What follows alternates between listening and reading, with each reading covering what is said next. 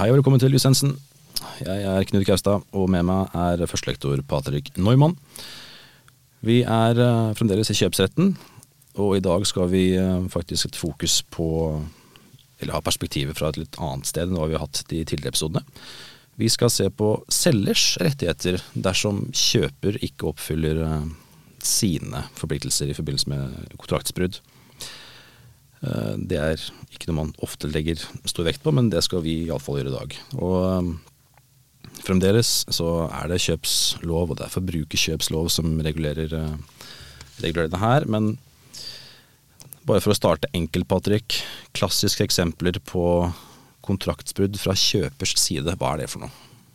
Jeg tror vi må huske på at uh, kjøpsloven og forbrukerkjøpsloven det er uh, regler som tar for seg situasjoner hvor man regulerer liksom begge, plikter, begge sider. Altså Både kjøper og selger har plikter og rettigheter i et kjøp. Og eh, kjøperens interesse det er å få tingen og betale pengene, og motsatsen til det det er å, at selger skal levere tingen, men ha krav på, på pengene.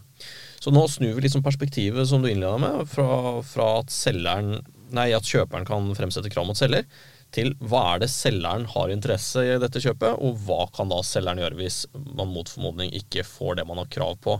Og selgerens hovedinteresse med å gjennomføre kjøpet, eh, det er jo å få kjøpesummen. Ja.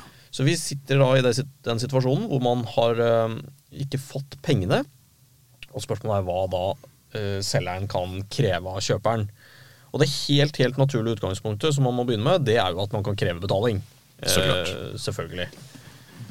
Så hvis man ikke har fått pengene, så kan man kreve betaling. Men man kan også kreve andre ting. Altså hvis uh, betalingsmisholdet blir langtrekkelig nok etter en konkret vurdering, så kan man også heve kjøpet. Altså at det er selgeren som tar initiativet til at man ønsker å si seg fri fra kontrakten og, og levere tilbake si, partene, eller restituere partenes ytelser. Fordi man ikke har fått betaling innen en gitt tid. Akkurat. Ja, det er jo kanskje Jeg vil tippe på at for den gjengse personen i gata, så tenker man at heving er noe som er forespeila en eh, kjøpers rettighet, men det ligger altså i kortet at det kan også selger gjøre. Altså. Ja, Hvis det er såkalt vesentlig betalingsmislighold, Mm. så, kan man, eh, så kan man det. Og Da blir det et spørsmål om hvor lang tid det måtte være. Og Der ser vi ulike eh, eksempler i rettspraksis som kan oppstille liksom, om det er to uker, tre uker osv. Det kommer helt an på hva man har kjøpt og hva som er avtalt, og omstendighetene omkring kjøpet.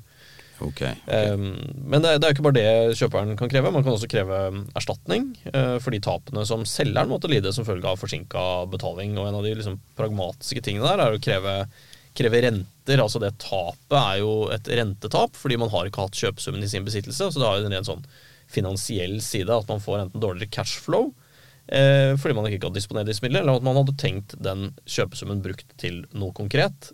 Eh, F.eks. en investering eller andre ting. Ok, ok. Så du har faktisk noe du kan eh, Du kan påberope deg som selger. Eh, Er det, noe, er det noen vesentlige forskjeller på rettighetene som selgere har i kjøpsloven kontra forbrukerkjøpsloven? Er det ganske likt? Ja, det er forholdsvis likt. Det Det er samme systematikk, og det er samme typen krav man eh, kan fremsette. Ja, ok.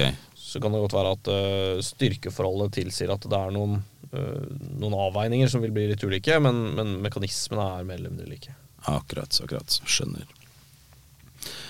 Er det noe du tenker, er det noe du, du tenker vi bør være spesielt obs på når det gjelder det her med selgers rettigheter, og de rettslige rammene rundt det? Altså, det mest praktiske her er jo uh, de tilfellene hvor man ikke betaler kjøpsummen i rett tid. Og det mest praktiske er å kreve, uh, kreve renter av kjøpsummen. Da er det forsinkelsesrenter etter forsinkelsesrenteloven, som du kan kreve fra forfall frem til man betaler. Så det, det er liksom den praktiske konsekvensen. Og hvis kjøpesummen uteblir helt, så er det naturlig å heve kjøpet etter en viss tid. Ja, ok, skjønner. Um, bare sånn rein, rein nysgjerrighet. Altså, vi har snakka om i tidligere episoder at hvor, eh, spesielt hvor kjøpere kan gå for å få bistand hvis det er uh, trøbbel med kontraktsoppfyllelsen fra selgers side.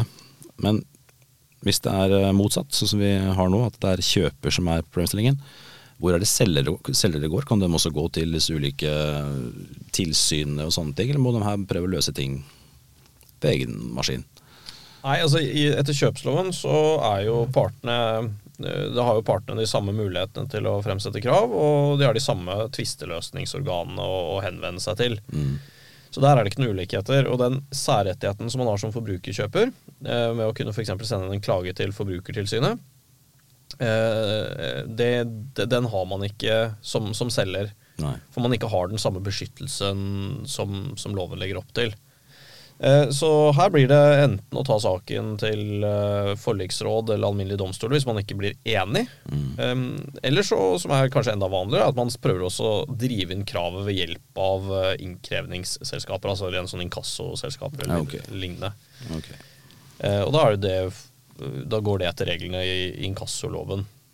Skjønner. Så, så det er flere ulike mm, verktøy man har for å kunne drive inn et, eh, et krav eh, om, på betaling av kjøpesummen.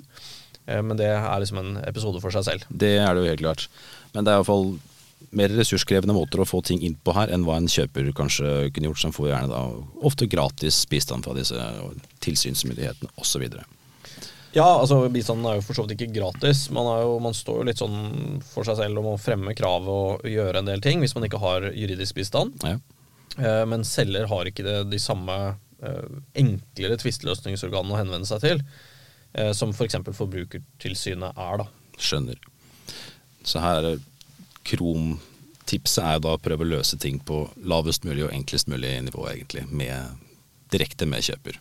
Det er det alltid. Det er det ideelle. Heldigvis. Det er det ideelle. hvis, hvis det lar seg gjøre. Ja, ja.